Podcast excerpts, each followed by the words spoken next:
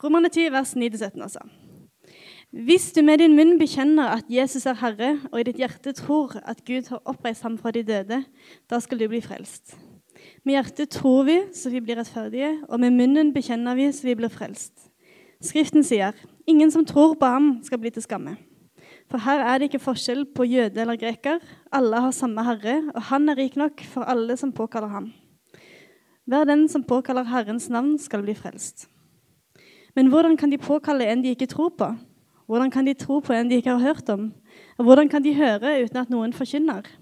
Og hvordan kan de forkynne hvis de ikke er utsendt? Det står jo skrevet hvor vakre de er, føttene til de som bringer gode budskap. Men ikke alle var lydige mot evangeliet. Jesaja sier, 'Herre, hvem trodde vårt budskap?' Så kommer da troen av det budskapet en hører, og budskapet kommer av Kristi ord. Takk, Britt. Jeg begynner med å be en bønn.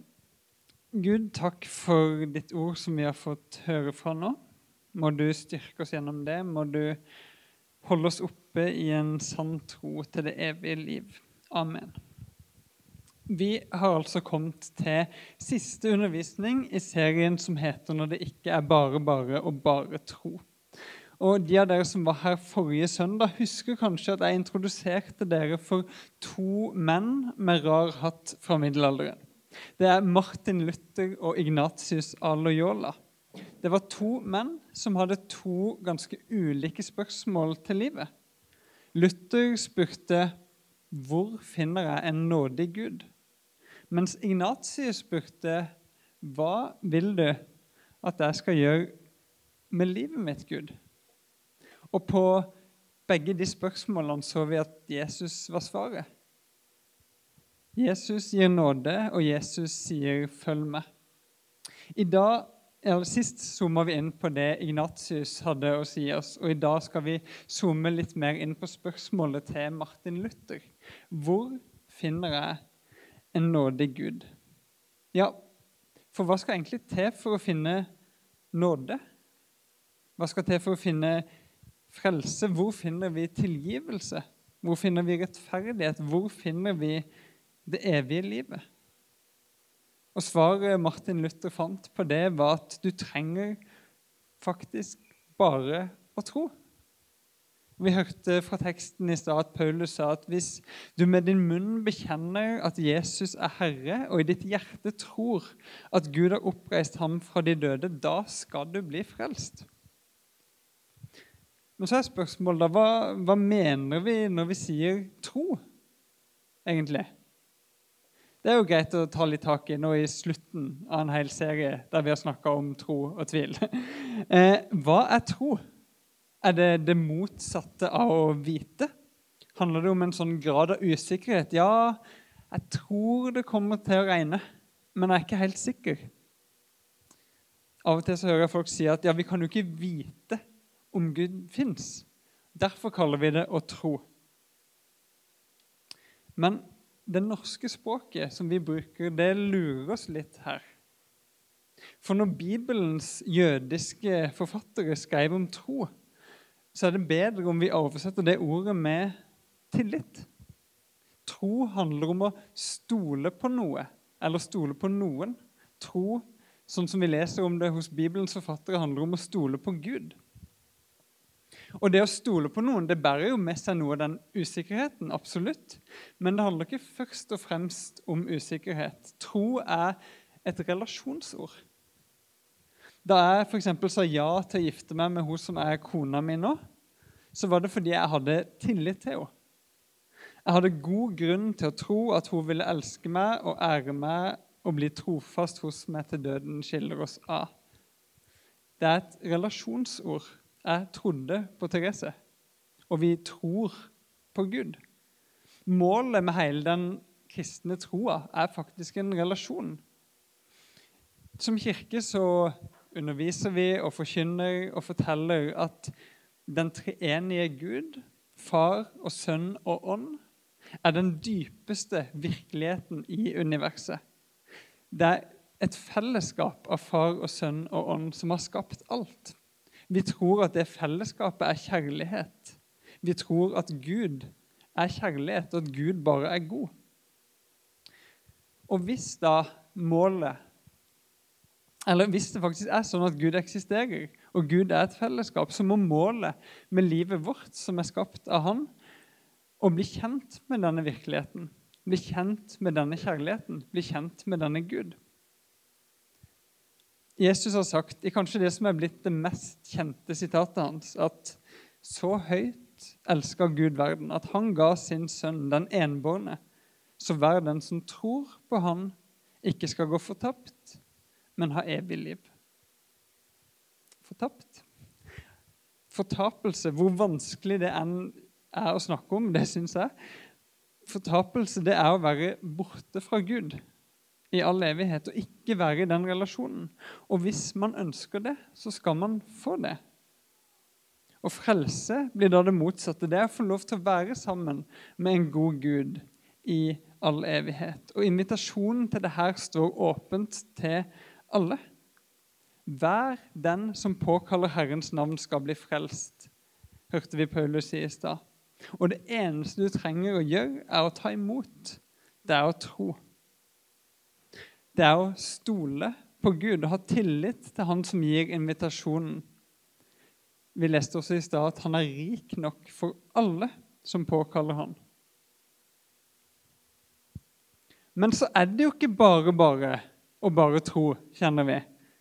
Og så begynner vi å spørre oss sjøl kanskje ja, men tror jeg nok? Stoler jeg nok på Gud? Er jeg sikker nok? Det føles jo ikke sånn. Jeg kan jo umulig ha stor nok tro jeg til å bli tatt imot av Gud, jeg som tviler så mye som det jeg gjør. Noe som har hjulpet meg veldig når jeg har grubla på det her, når jeg har kjempa med min egen tro og tvil, og det har jeg gjort. Det er et bilde av en bro. Altså Ikke akkurat dette fotografiet, men denne illustrasjonen som jeg skal fortelle dere nå. Den har jeg delt her i Bjølsen i hvert fall en gang før, men jeg syns han er så god at jeg har lyst til å dele den igjen. Se for deg to personer. Begge står ved et juv og den buldrende så farlig elv under. Den ene står ved en dårlig slitt bro. Det er så vidt den hengebroa der henger sammen. Men hun som står der, hun har masse tro. Så hun jazzer seg opp og sier dette funker. Dette her tror jeg på. dette her kommer til å gå. Jeg har tro. Dette, nå kjører jeg på. Og så går hun ut på den broa, og den rakner. For det var en dårlig bro. Se nå for deg en annen person. Hun står ved en solid bro, en sikker bro. Men hun har ikke så masse tro. Hun er dritnervøs. Hun er full av tvil og tenker at det her kan jo ikke gå bra. Det, det her ser så skummelt ut. Kan jeg satse på det her? Men, men så trosser hun tvilen. Og med den bitte lille troa, den lille tilliten hun har, så tar hun et lite skritt og et skritt til helt til hun kommer over til andre sida. Og broa, den holder. For det var en god bro. Hva er poenget her? Dette er ikke en sånn illustrasjon at livet er en bro, og det eneste som gjelder, er det på andre sida, men en illustrasjon at det viktige er ikke hvor mye tro du har, hvor sterk tro du har, eller hvor svak tro du har. Det viktige er hva du velger å tro på, hva du har tillit til. Eller rettere sagt hvem. Jesus er her. Han kaller på deg, han inviterer deg til å tro på han hver dag og stole på han ett lite skritt av gangen. Og han holder, uansett hvor sterk eller svak troa di er. Tro er derfor ikke noe vi får til. Tro er ikke en prestasjon, men en slags respons på at Jesus er tilliten verdig.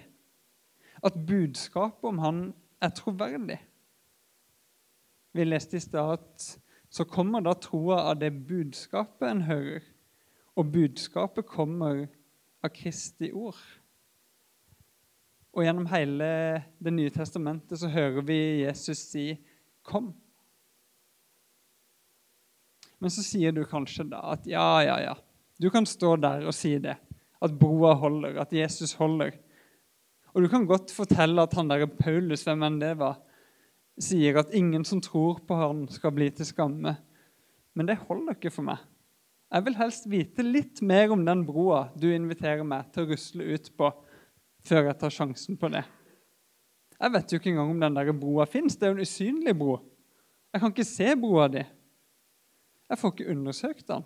Hvordan skal jeg da vite at det du sier, er sant? Hvordan kan jeg da i det hele tatt vite at Jesus fins? Det er jo en ganske merkelig bro å skulle gå ut på, den som kirka inviterer hele verden til å bli med på. At hvis du med din munn bekjenner at Jesus er Herre, og i ditt hjerte tror at Gud har oppreist ham fra de døde, da skal du bli frelst. At Jesus sto opp fra de døde, det er en ganske stor påstand å svelge. Det går mot all logikk, gjør det ikke det? For folk står ikke opp fra de døde. Det kan jo høres ut som det er, og det kirka inviterer deg og andre til, er å bare Nei, nå lukker vi øynene, nå tror vi blindt, nå skrur vi hjernen av. Det virker jo litt sånn. Hva er det nå Paulus sier her? At vi må tro med hjertet? Med hjertet tror vi, så vi blir rettferdige. Og med munnen bekjenner vi, så vi blir frelst. Nettopp. Kristen tro det handler om ønsketenkning, det handler om følelser. Eller gjør det det? Vent et par øyeblikk før du går til den konklusjonen. For vet du egentlig hva en jødisk mann i det første århundret, Paulus, mente da han sa 'tro i ditt hjerte'? I vår kultur så er jo hjertet en metafor for følelsene våre. Følg hjertet ditt, gjør det du har lyst til. Men i jødisk kultur rundt denne tida så var hjertet en metafor for noe veldig mye større. Hjertet ble sett på som senteret for både våre følelser og valg, og ikke minst våre tanker. I antikken så hadde de ikke noe sånn begrep for hva denne massen oppe i hodet ditt ble brukt til hjernen. Eh, det fins historier fra gamle Egypt. Når de skulle balsamere faraoen, så sugde de ut hjernen. For det var jo ikke noe verdifullt å ta med seg etter etterlivet. Eh, og da er det jo ikke noe nyttig å bruke det som en metafor. Vi vet jo at følelsene våre ikke sitter i hjertet, vi også. Men på den tida så, så var hjertet en metafor for noe mye større. Så når Paulus inviterer deg til å tro med ditt hjerte, så er ikke det bare følelsene. Å tro i hjertet betyr også å tro med dine tanker. Troa vår har også en kognitiv side, selv om den først og fremst er relasjonell. En kognitiv side har med tankene å gjøre. Og da må det vi tror på, kunne begrunnes for oss. I tillegg til å være en relasjon så må troa ha et innhold som vi kan stole på. Den må kunne formuleres som et budskap. Den må inneholde noe informasjon som det går an å ta stilling til. Hver den som påkaller Herrens navn, skal bli frelst, skrev Paulus. Men så spør han videre etter noe informasjon å bygge den troa på. For hvordan kan de påkalle en de ikke tror på? Og hvordan kan de tro på en de ikke har hørt om? Hvordan kan de høre uten at noen forkynner, og hvordan kan de forkynne hvis de ikke er utsendt? Det står jo skrevet hvor vakre de er, føttene som bringer godt budskap. Budskapet er at Jesus Kristus har kommet til verden, dødd for våre synder, stått opp til evig liv, og at han inviterer oss med inn i dette livet. Så fortsetter teksten. Men ikke alle var lydige mot evangeliet. Jesaja sier, 'Herre, hvem trodde vårt budskap?' Jesaja spør, 'Hvem trodde vårt budskap?' Folk rundt oss spør, 'Hvor er din Gud?' Og du sitter kanskje nå og spør deg sjøl og tenker, 'Ja, men det er ikke så enkelt. Det er ikke bare bare å bare tro.'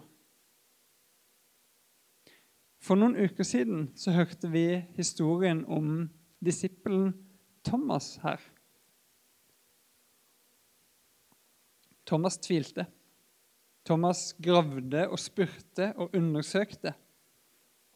Jeg kjenner meg igjen i Thomas. Jeg. Thomas var ikke til stede da de andre disiplene fikk se Jesus stått opp fra de døde. Og han syntes ikke han hadde noen god grunn til å tro på det de fortalte ham, til å tro på budskapet. Vi har sett Herren, sa de til han. Men han sa pff, dersom jeg ikke får se naglemerkene i hendene hans og får legge fingeren i de, ikke stikke hånden i siden hans, da kan jeg ikke tro. Jeg skjønner Thomas godt. Jeg. jeg tror jeg ville vært akkurat som han. Det er ikke lett å ha tillit til vennene dine når de kommer med så ville påstander som det her.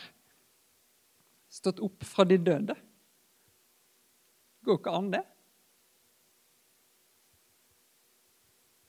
Det jeg syns er så fint, da, er at Thomas ikke blir kasta ut av vennegjengen sin for å si noe sånt som det her. For vi kan lese videre at åtte dager seinere var disiplene igjen samla, og Thomas var sammen med dem. De kunne jo godt blitt skikkelig fornærma. Hvorfor stoler du ikke på oss, Thomas? Nå har vi gått sammen i tre år, du kjenner oss godt. Hvorfor, hvorfor tror du ikke på det vi har å fortelle deg? Kan ikke du bare stikke nå? Det er vanskelig nok å skulle holde motet oppe her uten at du skal komme med masse vanskelige spørsmål. Men nei, de sier ikke noe sånn. Thomas får være med. Det var rom for han i fellesskapet, også når han ikke klarte å tro. Og Sånn vil jeg at det skal være her i kirka også. Kan vi være enige om det? At det kan være sånn at hvis du har det sånn som Thomas og ikke klarer å tro, så er det plass til deg. Vær så snill, ikke forsvinn. Bli værende her hvis du sjøl vil. Her er det rom til deg og til alle de vanskelige spørsmålene du har. Og det er helt sikkert andre som har det akkurat sånn som det er nå. Så håper jeg da at du på en eller annen måte får oppleve det som Thomas fikk oppleve. At Jesus kommer og møter deg der du er. Midt i dine spørsmål, midt i all din tvil. Da kom Jesus, står det. Mens dørene var lukka, han sto midt blant de og sa, 'Fred være med dere'. Så sier han til Thomas, 'Kom. Kom med fingeren din. Se her er hendene mine.' Kom med hånda, stikk denne sida mi, og vær ikke vantro, men troende. Med andre ord broa holder, Thomas. Det er bare å gå ut på den. Men det er klart du skal få lov til å undersøke først. Jeg ser at du trenger å granske dette nærmere, sier Jesus liksom til Thomas. Kom, kom med fingeren din. Se, her er hendene mine. Kom med hånda og stikk den i sida Thomas kommer, han får undersøke, han får granske. Og til slutt så bekjenner han min Herre og min Gud. Thomas vet ikke alt. Jeg vet ikke alt. Men Thomas vet nok nå til å gå ut på den broa. Han vet nok til å påkalle Herrens navn så han kan bli frelst, som vi hørte i teksten i begynnelsen. Han vet nok til å stole på Jesus, til å stole på budskapet. Han vet nok til å tro. Og så sier Jesus til ham at fordi du har sett meg, så tror du. Og så er det akkurat som han nå kaster et blikk ut på oss som sitter og leser teksten, og sier 'salige er de som ikke ser' og likevel tror. Det er jo oss, er det ikke det? Vi ser jo ikke Jesus på samme måte som Thomas gjorde. Og så kaller Jesus oss salige for det. Salige er de som ikke ser. Eller med andre ord lykkelige er de som ikke ser. Gratulerer til dere som ikke ser, men likevel tror. Jeg syns Jesus er ganske irriterende her. For jeg syns ikke alltid det er så kult at jeg ikke kan se. Eller hva tenker du? Vi må liksom stole på de andre, vi. de som så Jesus, på vitnene, på budskapet deres, på øyenvitneskildringene. Hvis vi leser neste avsnitt nå, så begynner forfatteren av Johannes evangeliet å henvende seg til oss leserne direkte. Jesus gjorde også mange andre tegn, skriver han, foran øynene på disiplene. Tegn som det ikke er skrevet om i denne boka. Men disse er skrevet ned for at dere skal tro at Jesus er Messias, Guds sønn, og for at dere ved troa skal ha liv i hans navn. Altså, Johannes evangeliet er nesten som en sånn rettssak å lese. Det kommer et vitne, forteller om Jesus. Folk reagerer på forskjellige måter. Noen tror, andre gjør ikke. Og vi får lov til å se på disse her øyenvitneskildringene sjøl når vi leser. Hvis jeg skal tro på Jesus, og samtidig kjenne at jeg kan gjøre det med hele hjertet, ikke bare følelsene mine, men, men med hjernen, med tankene, med min intellektuelle integritet i behold, så er det viktig for meg at jeg kan undersøke om disse øyenvitneskildringene er troverdige. Dette var viktig for Thomas. Det er viktig for meg, og kanskje er det viktig for noen av dere også. Og Spesielt det som angår at Jesus sto opp fra de døde. For det er jo på en måte det det står og faller på. Hva var det vi hørte Paulus si helt i begynnelsen? Hvis du med din munn bekjenner at Jesus er Herre, og i ditt hjerte tror at Gud har oppreist ham fra de døde, da skal du bli frelst. Kanskje hører du på nå og syns det er helt absurd at jeg står her og prøver å invitere deg til å ta steg ut i tro basert på en røverhistorie om en mann som sto opp fra de døde. Det går jo ikke. Det holder ikke å si 'bare tro'. Og jeg skjønner det. Jeg tror jeg var ca. 20 år gammel første gang jeg fikk høre en skikkelig argumentasjon for at historien om Jesus kunne, og hans oppstandelse kunne være sann. Jeg var på et foredrag og så husker jeg at jeg ble en sånn blanding av utrolig begeistra og ganske irritert. Hvorfor har ingen forklart meg dette her før? Ja, jeg har en tro, og den er basert på mye, men ikke så mye på argumenter. Og det ble veldig viktig for meg. Så det jeg har lyst til å gjøre nå, er å dele med dere noen gode grunner til å tro også med tanken, med fornuften, på budskapet om at Jesus har stått opp fra de døde. Og siden Jon Rommel Hoversen klarer å si dette her mye mer presist og elegant enn meg, så skal jeg gi ordet over til han i fem minutter. Nå skal jeg vise en video, og har vi lyd bak? Gi meg klarsignal når jeg kan snurre film. OK? Da kan dere sitte og tenke litt mens de får eh, skrudd av musikken. Det vi skal få se nå, er en ganske kort gjennomgang. Kristendommen står og faller på én hendelse Jesu oppstandelse. Paulus sier at dersom Kristus ikke er stått opp, da er troen uten mening. Hvis oppstandelsen ikke har skjedd, da faller kristendommen sammen som et korthus. Men hvis det har skjedd at Jesus faktisk ble levende igjen, da er det grunn til å stole på at kristendommen er sann. Så spørsmålet om Jesu oppstandelse er veldig viktig. Og siden Bibelen påstår at dette er en historisk hendelse, så er det mulig å undersøke hva som faktisk har skjedd. Og hva kan vi vite med god grunn? Først så må vi avklare noe viktig. Har Jesus i det hele tatt levd? På internett vil du finne folk som hevder at Jesus aldri engang har eksistert. Men vi kan jo ikke høre på konspirasjonsteorier på internett. Vi må høre på ekspertene. En av vår tids fremste eksperter på Det nye testamentet, Bart Ørmen, som selv er ateist, sier tidlige og selvstendige kilder indikerer med sikkerhet at Jesus har eksistert. Dette sier han fordi evangeliene blir sett på som gode historiske kilder, og at det finnes mange romerske og jødiske kilder til Jesus.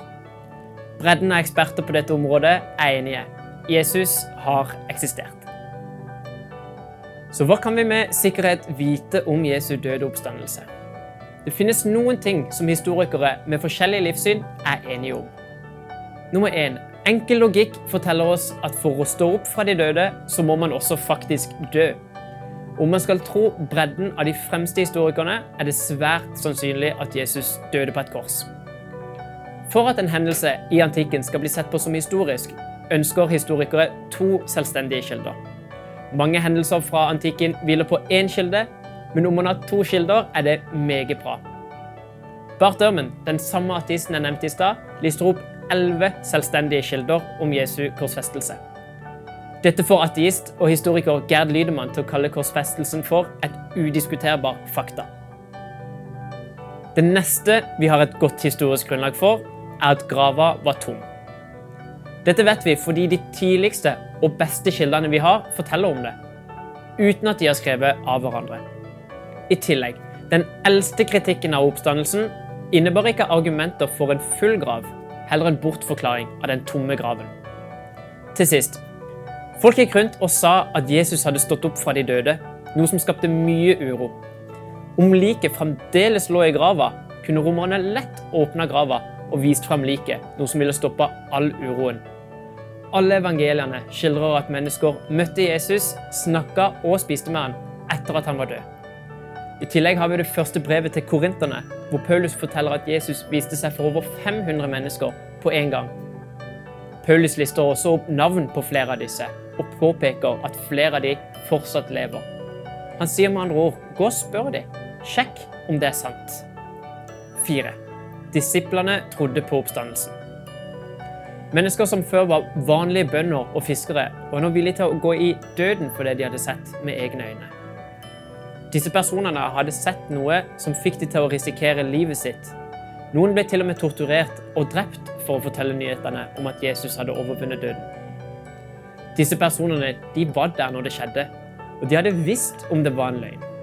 Og det gir ingen mening at noen lar seg torturere for noe de vet er en løgn. Vi har disse fire historiske faktaene, og da er spørsmålet hvordan forklarer man de? Og Det har oppstått mange alternative teorier gjennom tidene. En av de er at disiplene stjal liket. Og Det finnes mange grunner til å tro at dette ikke er sant. For det første så var det dødsstraff for å stjele lik på denne tida. Man måtte altså da ha et stort motiv for å gjøre noe slik. Et slikt motiv er vanskelig å finne hos disiplene. Hvorfor skulle disiplene stjele liket, for så å lyve om at de hadde sett Jesus levende, for så å bli torturert for en løgn de selv hadde funnet på? Hva med disiplene som hevda at de hadde møtt Jesus etter hans død? Noen vil si at de bare hallusinerte. Og ja, det er en mulighet. Noen ganger når man mister noen, skjer det at man føler at man ser eller hører personen. Men over 500 på én gang. Over flere ganger over lengre tid. Det finnes ikke noe som kalles gruppehallusinering. I tillegg, la oss si at disiplene bare hallusinerte. Det forklarer jo ikke den tomme graven. Da bør det jo ligge et lik i grava. Det finnes flere slike alternative teorier. Felles for de alle er at de mangler forklaringskraft og forklaringsomfang. Den beste forklaringa for Jesu liv og død, den tomme graven, over 500 vitners påstand om å ha sett Jesus etter at han var død, og disiplenes oppstandelsestro, er at Gud reiste Jesus opp fra graven.